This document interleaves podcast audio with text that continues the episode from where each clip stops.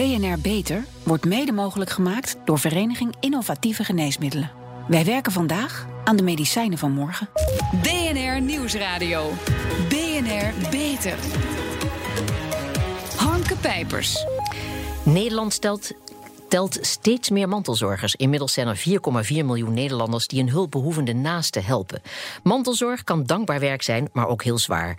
Hoe voorkom je dat je als mantelzorger verdwaalt in een oerwoud van regels, instanties en emoties? Welkom bij BNR Beter, het programma voor mensen die werken aan gezondheid. Mijn gasten vandaag Lodewijk Smit-Jongbloed, arts en bedrijfskundige en schrijver van de reisgids Mantelzorg. En Jet Bussemaker, ze was staatssecretaris van Volksgezondheid, Welzijn en Sport. Ze was ook minister van Onderwijs, Cultuur en Wetenschappen. En ze is is nu hoogleraar wetenschap, beleid en maatschappelijke impact in het bijzonder in de zorg aan de Universiteit van Leiden en het LUMC. Een mond vol, maar het is allemaal waar en u kent haar natuurlijk wel. Mevrouw Bussemaker, uh, tijdens uw eh, politieke carrière hield u zich er al mee bezig, maar pas toen u stopte heeft u echt ervaren wat het betekent om mantelzorger te zijn, hè? Ja, in het laatste jaar dat ik minister was, werd mijn moeder ernstig ziek. En zij is drie weken nadat ik uh, weg was als minister, is zij overleden. En vlak daarna werd mijn vader heel ernstig uh, ziek. En uh, nou, daar heb ik alles bij elkaar echt tien maanden intensief voor gezorgd. Ja, en, en Lodewijk Schmid, Jongbloed, Jongbloed was de buurman van uw vader. En een grote steun voor u, heb ik begrepen? Ja, absoluut. absoluut. Ik moet zeggen, Lodewijk, maar ook veel andere buren. Uh, die zorgde voor een hele prettige omstandigheid. waarin het niet alleen over zorg ging. maar ook gewoon over, uh, over gezelligheid. Uh, over een praatje maken. over hoe, vragen hoe het met iemand gaat. Ja. En soms ook als het nodig was. wat doen. Want Lodewijk is ook wel eens een van de eerste geweest die erbij was. omdat hij ernaast woonde en ik en mijn broers niet. Ja, buurman Lodewijk. Zag u zichzelf als mantelzorger van uw buurman? Meer mantel dan zorg, als ik het zo mag ja. uitdrukken. En uh, nou, het was duidelijk, dat was een van de redenen dat het goed ging, dat de zorgen zaten bij de familie en de ondersteuning zaten bij de naburen, hè, de, de buren en ikzelf. Ja, en, en heeft u zelf ook wel eens ervaren hoe het is om wel zelf die verantwoordelijkheid te hebben als mantelzorger? Ja, drie jaar geleden heb ik mijn, kwam ik in aanraking met mantelzorg omdat mijn vader ernstig ziek werd. Mm -hmm. En toen bleek dat ondanks dat mijn zus, mijn broer, mijn moeder en ik en mijn vader eigenlijk een goed team vormden wij dus uit te veel, uitermate moeite hadden om ons weg te vinden in dat oerwoud, waar u net over sprak. Ja. En dat was eigenlijk de aanleiding om na te denken over een reisgids.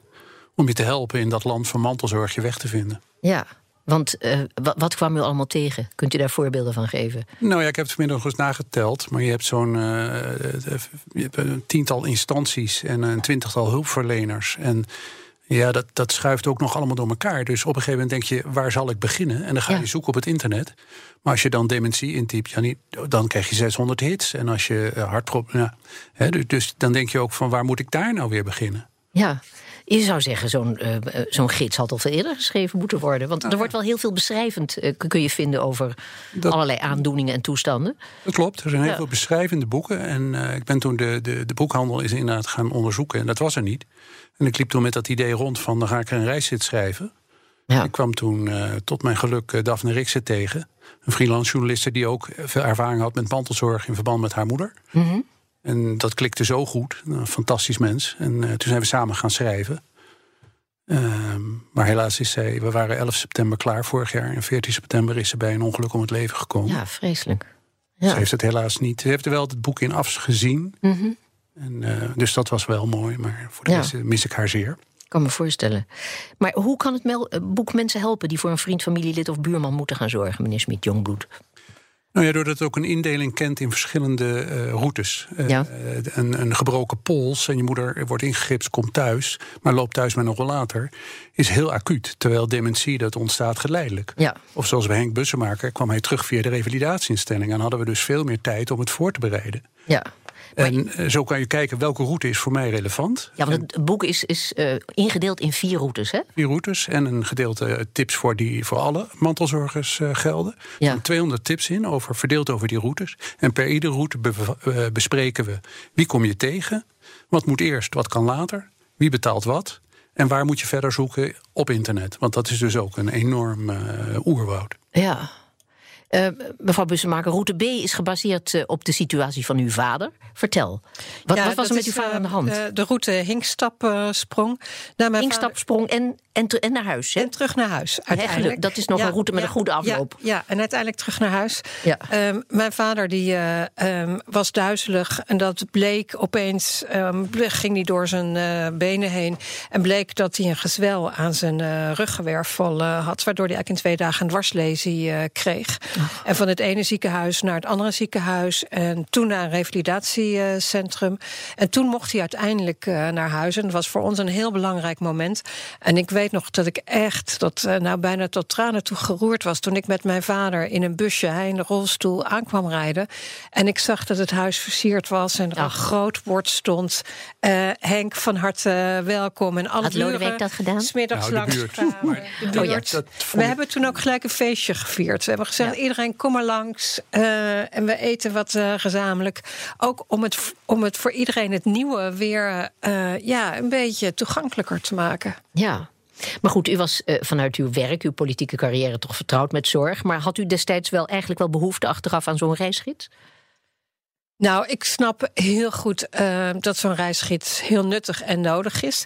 ik, ik, vond, ik vond het dat ik het aan mijn stand verplicht was om voor mijn vader alles zelf te regelen. Ik heb Ja. daarna wel van de, de praktijkondersteuners van de huisarts gehoord dat ik geloof ik de eerste was die ze meemaakte, omdat de meeste Ja, ja. mensen dus inderdaad de weg kwijtraakten. En ik dacht, nou, ik wil het nou wel eens eh, zelf eh, ervaren, maar makkelijk is het niet.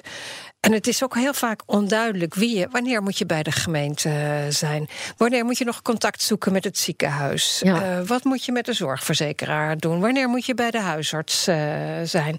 Ja, het zijn allemaal. je- En wie vergoedt wat? Niet onbelangrijk. Ja, en je zit Waar natuurlijk kun je wat krijgen, met- waar kun je wat kopen? ook dat. Je Ja. zit toch al met veel emoties. En nou ja, dan is het heel fijn als er meer duidelijkheid is. Dus ik vind die reisgids echt een, een, een hele mooie uitkomst. Ja.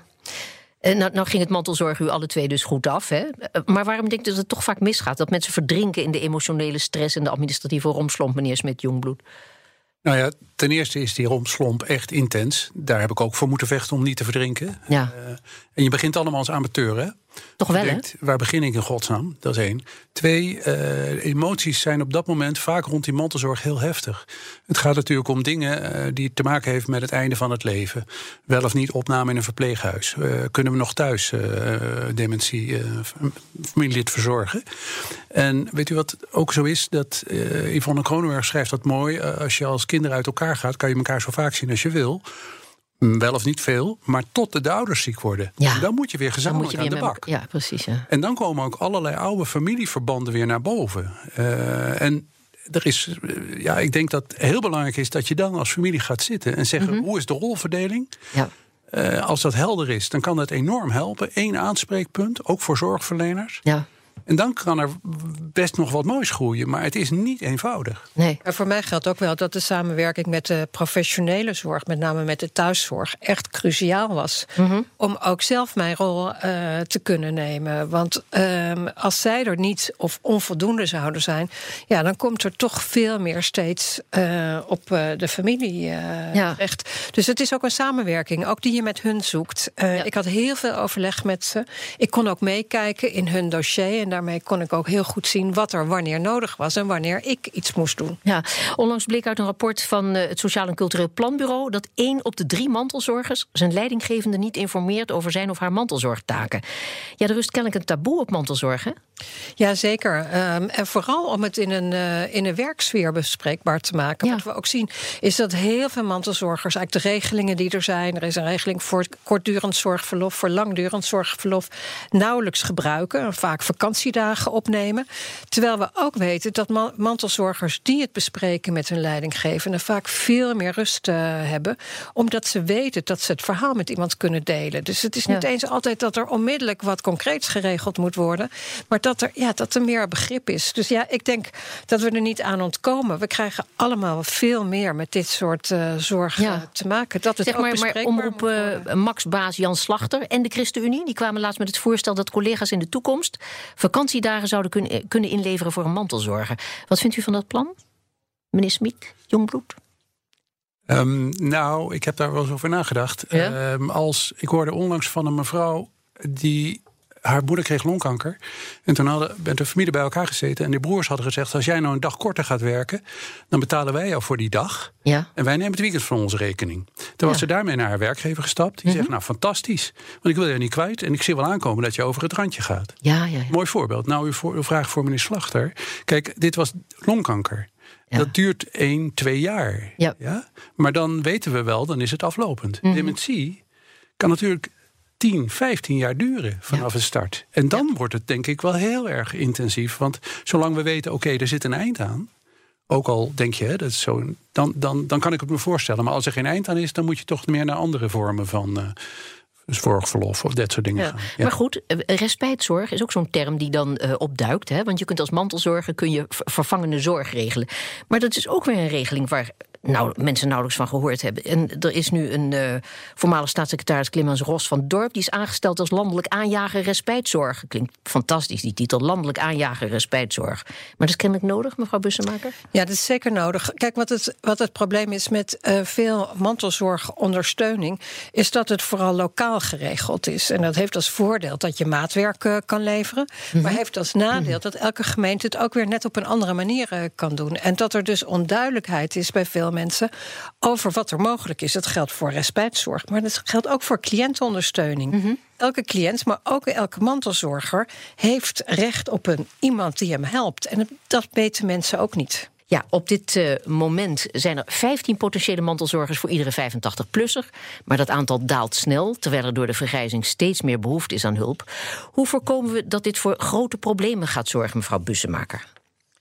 Nou, ik denk dat er eh, eh, veel nodig is in de zorg. Er is niet eh, één oplossing, maar ik denk dat het ermee begint dat we de belang van mantelzorg erkennen. En eh, waar we het eigenlijk net al over hadden, dat het normaler wordt om te erkennen dat ook mensen die werken af en toe in hun leven mantelzorgtaken hebben. En dat het dus ook bespreekbaarder wordt om dat te doen. Daarnaast hebben we tal van andere initiatieven nodig. Zorgen dat mensen zelf langer thuis kunnen blijven wonen. Daar kan, eh, kan ICT en e-health eh, bij helpen. Maar er komt enorm veel op eh, ons af. Zeker als je bedenkt dat ook nog het aantal mensen in de zorg. eh, ja, dat, dat er zoveel zullen moeten zijn dat we die nooit met elkaar zullen kunnen leveren. Dus er is echt wel wat te doen voor de toekomst. Ja, en dan nog even te denken aan het feit dat u destijds. eh, ongelooflijk veel mensen hebt wegbezuinigd, professionele hulpkrachten. Hoe kijkt u daarop terug? Nou, dat was een tijd van een zeer zware economische crisis. eh, waarin het nodig was. En waarin overigens ook ehm, een transitie plaatsvond. Om de zorg meer toekomstbestendig te maken. Ja. En overigens is daarna ook aan het eind van die periode er ook weer heel veel geld bij gekomen. Ja, maar, maar, geld alleen, geld maar kijkt is u daar met de wetenschap van nu, dus dat geldt natuurlijk altijd. Maar hoe kijkt u daar nu op terug? Heeft u daar spijt van? Denkt u, oh, ik had het heel anders moeten doen? Nee. Kijk, dat heeft het kabinet gedaan waar ik in zat. En ik denk dat dat eh, op dat moment. eh Wat een ellendige was. constructie, het kabinet waar ik in zat. Nee, nee, het nee ik wil, wat ik wil zeggen is dat we dat met elkaar op dat moment in die economische crisis eh, hebben moeten doen. Ja. En dat ik nu denk, nu in een hele andere periode waarin er heel veel geld is, is het dus heel erg belangrijk dat er ook goed geïnvesteerd wordt in de zorg. Ja. Omdat we beide, ehm, beide bewegingen doen, hebben gedaan en ook nu doen om de zorg toekomstbestendig te maken. Het gaat dus ook niet alleen over geld, het gaat echt ook over een andere manier van organiseren. Ja, maar eh, had u niet het idee van het is wel eh, typisch Nederlands... de ene kant van het spectrum compleet naar de andere... dus al die eh, tehuizen dicht. Terwijl iedereen begint te piepen van dat we daar toch wel eigenlijk behoefte aan hadden... alleen dat je er niet meer zo makkelijk in moet komen... als dat eh, tot nog niet zo heel lang geleden het geval was. Nou, laat ik, laat ik aangeven. Nou, goed, ook daar zie je grote verandering. Toen ik staatssecretaris was, lagen ouderen allemaal nog in een verpleeghuis met zes mensen op een eh, kamer zonder enige privacy. Dus ook dat hebben we weten te veranderen. Ik denk dat we wat we nu nodig hebben, zijn eigenlijk voorzieningen tussen een, traditioneel verpleeghuis en een ziekenhuis en mensen thuis. Want daar zie ik heel veel mensen op vastlopen en ook professionals, eh, ouderen die in het ziekenhuis komen terwijl ze daar eigenlijk niet eh, horen, daar weg kunnen eh, en nog niet naar huis kunnen, Nee, waar nog geen goede voorziening Ja. voor is. Ja, en dat, dat vraagt ook heel veel creativiteit. Ja. Eh, laten we het daarop houden. Eh, vorige maand sprak u uw oratie uit als hoogleraar wetenschap, beleid en maatschappelijke impact, in het bijzonder in de zorg. Een nieuwe leerstoel van de Universiteit Leiden. Waar gaat u zich precies mee bezighouden? Het, het klinkt prachtig, deze leerstoel. Dus. Nou ja, wat ik eigenlijk vooral wil doen, is uh, aangeven hoe kunnen we de kennis die we in de wetenschap opbouwen, nou beter gebruiken om beleid te onderbouwen. En ook uh, andersom. Ja. Wat, uh, wat zijn de effecten van beleid? Ehm, ik vind dat je daar altijd kritisch naar moet blijven kijken, omdat je daar ook weer van kan leren. Ja, in, in uw dat geldt dus ook voor mantelzorgers. Ja. In uw oratie sprak u over het opnieuw laden van de kern van de verzorgingsstaat. Dat vind ik een intrigerende zin. Wat, wat is volgens u die kern? Nou, de kern van de verzorgingsstaat is dat je solidair met elkaar ja. Eh, bent. En dat als het mensen tegenzit, dat je niet zegt, nou jij hebt pech. Maar dat je dat met elkaar probeert ja. uh, op te vangen. U heeft het in dat verband over de sociale investeringsstaat. Hè? Ja, en wat, wat, moet ik me daar, wat mag ik me daar liever gezegd precies bij voorstellen? Nou, wat ik daarmee vooral wil proberen te zeggen, is dat we niet meer alleen beleid nodig hebben dat uh, traditioneel eigenlijk over geld geven aan mensen ging. uitkeringen en dan met name over kostwinners. Want er waren altijd -hmm. vrouwen thuis die de mantelzorgtaken deden. En dat we te maken hebben met nieuwe risico's. En ik denk dat mantelzorg een heel goed voorbeeld is van zo'n nieuw risico. Waar we dus ook ons beleid anders op zullen moeten vormgeven. Bijvoorbeeld door niet alleen een verlofregeling die je één keer kan gebruiken te maken. Maar na te denken hoe moet dat als mensen langerdurend uh, zorgverlof hebben? Hoe kan je die solidariteit op een andere manier organiseren? En dat ja. kan niet alleen vrijwillig. Ik vind het voorbeeld van de werknemers, collega's die vakantiedagen sparen mooi. Mm -hmm. Maar dat is natuurlijk altijd maar een deel van de oplossing. Je zou ja. ook moeten zorgen dat er meer structurele oplossingen ja. komen. Dus we hebben andere risico's en ander sociaal beleid nodig. Ja, maar is ook voor creativiteit. In die zin dat ik ben bestuurslid van een burgercomité in Oesgees, langer zelfstandig leven. En dus de gemeente heeft uh, dit burgercomité ook gesubsidieerd. En we werken intensief samen met hulpverleners. Juist omdat het elkaar zo goed kan aanvullen. Alleen al qua tijden. De hulpverleners... Maar, maar wat, wat, zijn dat voor voorbeelden in Oegstgeest? Hè? In Oegstgeest hebben we dus dat burgercomité. Ja? En wij proberen per wijk uh, buurtambassadeurs uh, aan te stellen. Inmiddels hebben we in vijf van de twaalf wijken buurtambassadeurs. Die op het moment dat een, dat een hulpbehoevende plotseling even moet overbruggen. Hè, qua ja. mantelzorg. Dat die dan kunnen bijspringen. En het mooie is in Oesgeest dat de gemeente dat ook gesubsidieerd heeft. En dat we dus intensief met zorgverleners samenwerken. Bijvoorbeeld met die thuiszorgorganisaties. Ja. Die zeggen, nou dat is een mooie aanvulling. Want wij doen allerlei werk, maar we hebben jullie ook nodig. Ja. Nou, en hier zie je dus een soort nieuw iets ontstaan. Waarbij burgers zeggen, oké, okay, we wachten niet af. Maar we komen ook in actie om, om, om onze bijdrage te leveren. Ja, en wat je dan natuurlijk graag wil, dat het niet alleen in een gemeente als Oostgeest, waar relatief veel uh, mensen met een goed inkomen wonen, maar ook in, uh, in wijken, in groot, grote steden, waar ik ook regelmatig nu de problemen zie die zich ja. uh, kunnen opstapelen. En ik las een mooie variant op het spreekwoord: ja. een, beter een goede, goede buur, dan, dan, een verre vriend. vriend. Ik zou willen beter een goede buurt, goede buurt dan, ja, dan een mooi. verre vriend. Want die terugkomst van Henk Bussemaker kwam ook een tot stukje cohesie in de buurt ten goede. Ja. Omdat iedereen zei, we zetten onze schouders eronder. Ja, fantastisch. Ja, norberschap, hè? Ja. Zegt de Wetenschappelijke Raad voor het Regeringsbeleid, de WRR, constateerde vorig jaar dat kabinetten al tientallen jaren proberen de gezondheidsverschillen tussen groepen te verkleinen. Niet meer doen, zegt de WRR. Het is een recept voor teleurstelling. Het gat wordt niet kleiner, alleen maar groter. De hoger opgeleiden die profiteren het meest, waardoor de tegenstellingen groter worden. Ja, hoe krijg je die mensen met een lage CES, een lage sociaal-economische status, zoals we dat al zeggen, hoe krijg je die mee, mevrouw Bussemaker?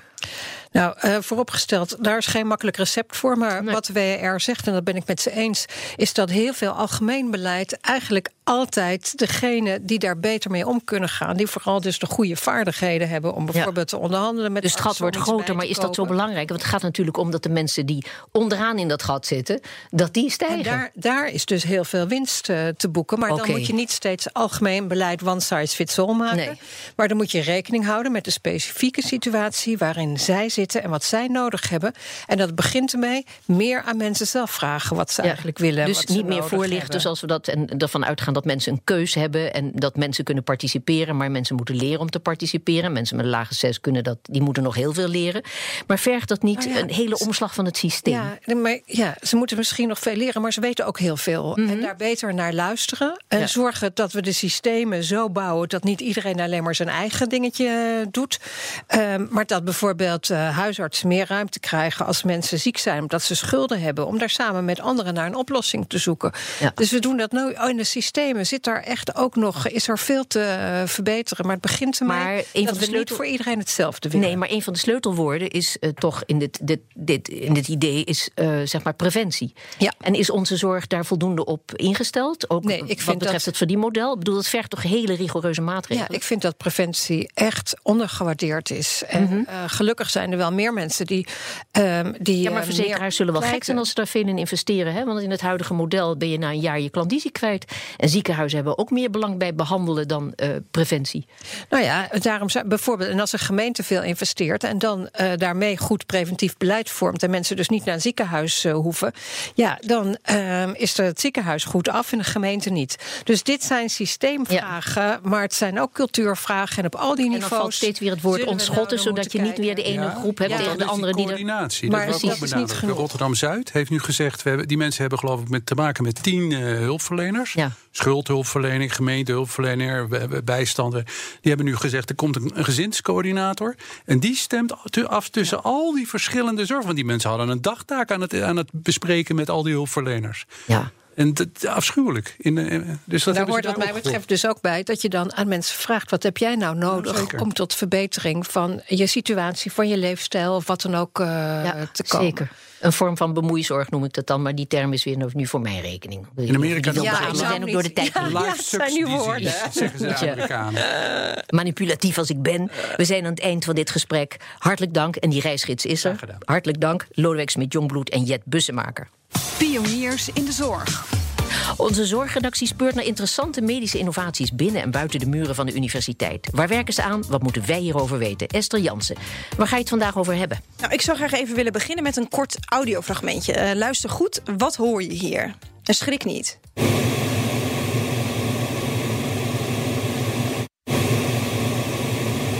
Mag ik al? 8, 6, 7 hoorde ik door Ja, geluid. Maar daarna kwamen er nog drie cijfers. Oh, die heb ik niet gehoord. Nee, niet gehoord. Oh, Nou ja, ik- afgekeurd. ja. Ja. Nou ja, ik, de- ik weet niet of je je gehoor al wel eens op deze manier hebt getest. Maar Nee. eh, voor mensen die dat wel hebben, die, dat geluid zal dan misschien bekend eh, voorkomen. Want naast eh, nou ja, naar een arts kun je in Nederland ook al langere tijd online een gratis hoortest doen. Waarin je dus deze ruis hoort en een reeks getallen. Ik heb de test voor de uitzending even gedaan en het resultaat was Jij goed. had wel al die cijfers? Nou, niet allemaal, maar dat hoeft ook Oh. niet. Het wordt steeds wat moeilijker te horen. Ehm, en op een gegeven moment, als je dan ook niks meer weet, dan wordt het iets makkelijker. Maar uiteindelijk komt daar dan een uitslag uit van is je gehoor goed of niet goed. Oh ja, en, en jouw gehoor was dus goed. Ja, nog Beter dan het mijne, geloof ik. Maar goed, gehoorverlies is wereldwijd wel een groot probleem, hè? Ja, dat klopt. Op dit moment eh kampen er over de hele wereld eh, maar liefst 466 miljoen mensen met gehoorverlies of andere gehoorproblemen. En veel van deze mensen wonen in lage en middeninkomenslanden. Eh 3 maart was het World Hearing Day. En op die dag lanceerde de Wereldgezondheidsorganisatie een hoortest via een nieuwe app. En die app is mede ontwikkeld door audioloog Cas Smits van het Amsterdam UMC, locatie VUMC. Ja, en, en werkt die test op een vergelijkbare manier als dat stukje wat we net hoorden? Ja, daar lijkt het inderdaad op. Eh, De Nederlandse hoortest gaat dus via een eh, website. En die test bestaat al een aantal jaar. En de afgelopen jaren is er internationaal veel interesse voor geweest. Een tijdje geleden werd Cas Smits benaderd door een hoogleraar uit Zuid-Afrika... met de vraag of er niet een app van kon worden gemaakt. Eh, dit komt omdat eh, veel Afrikaanse landen mensen maar be- beperkt toegang hebben tot het internet... maar veel mensen wel een smartphone hebben.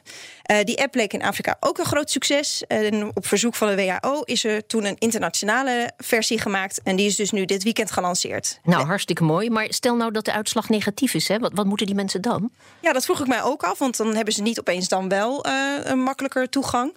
Dus ik belde even met Cas Smit. Hij zei dat het inderdaad niet zo is dat iedereen die deze app nu kan doen, vervolgens de zorg kan krijgen die hij nodig heeft. Maar in de toekomst zijn er volgens Smits hopelijk wel mogelijkheden om je telefoon nog uitgebreider in te zetten. Eh, of als hoortoestel of als eh, hulpmiddel. Of zelfs om eh, adviezen te geven over hoe om te gaan met eh slechthorendheid. Maar het hele zorgsysteem rondom slechthorendheid, ja, dat hebben we nog niet in een, in een smartphone. Nee, maar in de toekomst zijn er dus hopelijk nog wel wat meer mogelijkheden. Die app is dus te vinden door Heer WHO in te toetsen in de App Store. Eh, en op www.hoortest.nl kun je de vernieuwde Nederlandse test doen. En mocht je dit nou niet allemaal hebben goed kunnen verstaan, dan kun je ook naar een wat bekendere website, bnr.nl beter. Zorgen wij dat we die linkjes in de, op de website zetten. Oké, Esther Jansen, dank je wel. Ik heb het goed gehoord hoor. Je, je was voor het laatst in deze uitzending, althans eh, voorlopig. Je gaat even wat anders doen. Je gaat naar televisie, heel interessant. Misschien kom je daarna ook wel weer terug bij BNR. Zou je leuk vinden. Ik hoop Eh, dank en succes. En tot zover deze uitzending van BNR Beter. Op bnr.nl slash beter is deze uitzending terug te luisteren of on demand via de BNR-app, Spotify of iTunes. We zijn ook op Twitter te vinden onder BNR Beter. Ik ben Harmke Pijpers. Graag tot een volgend spreekuur. BNR Beter wordt mede mogelijk gemaakt door Vereniging Innovatieve Geneesmiddelen. Wij werken vandaag aan de medicijnen van morgen.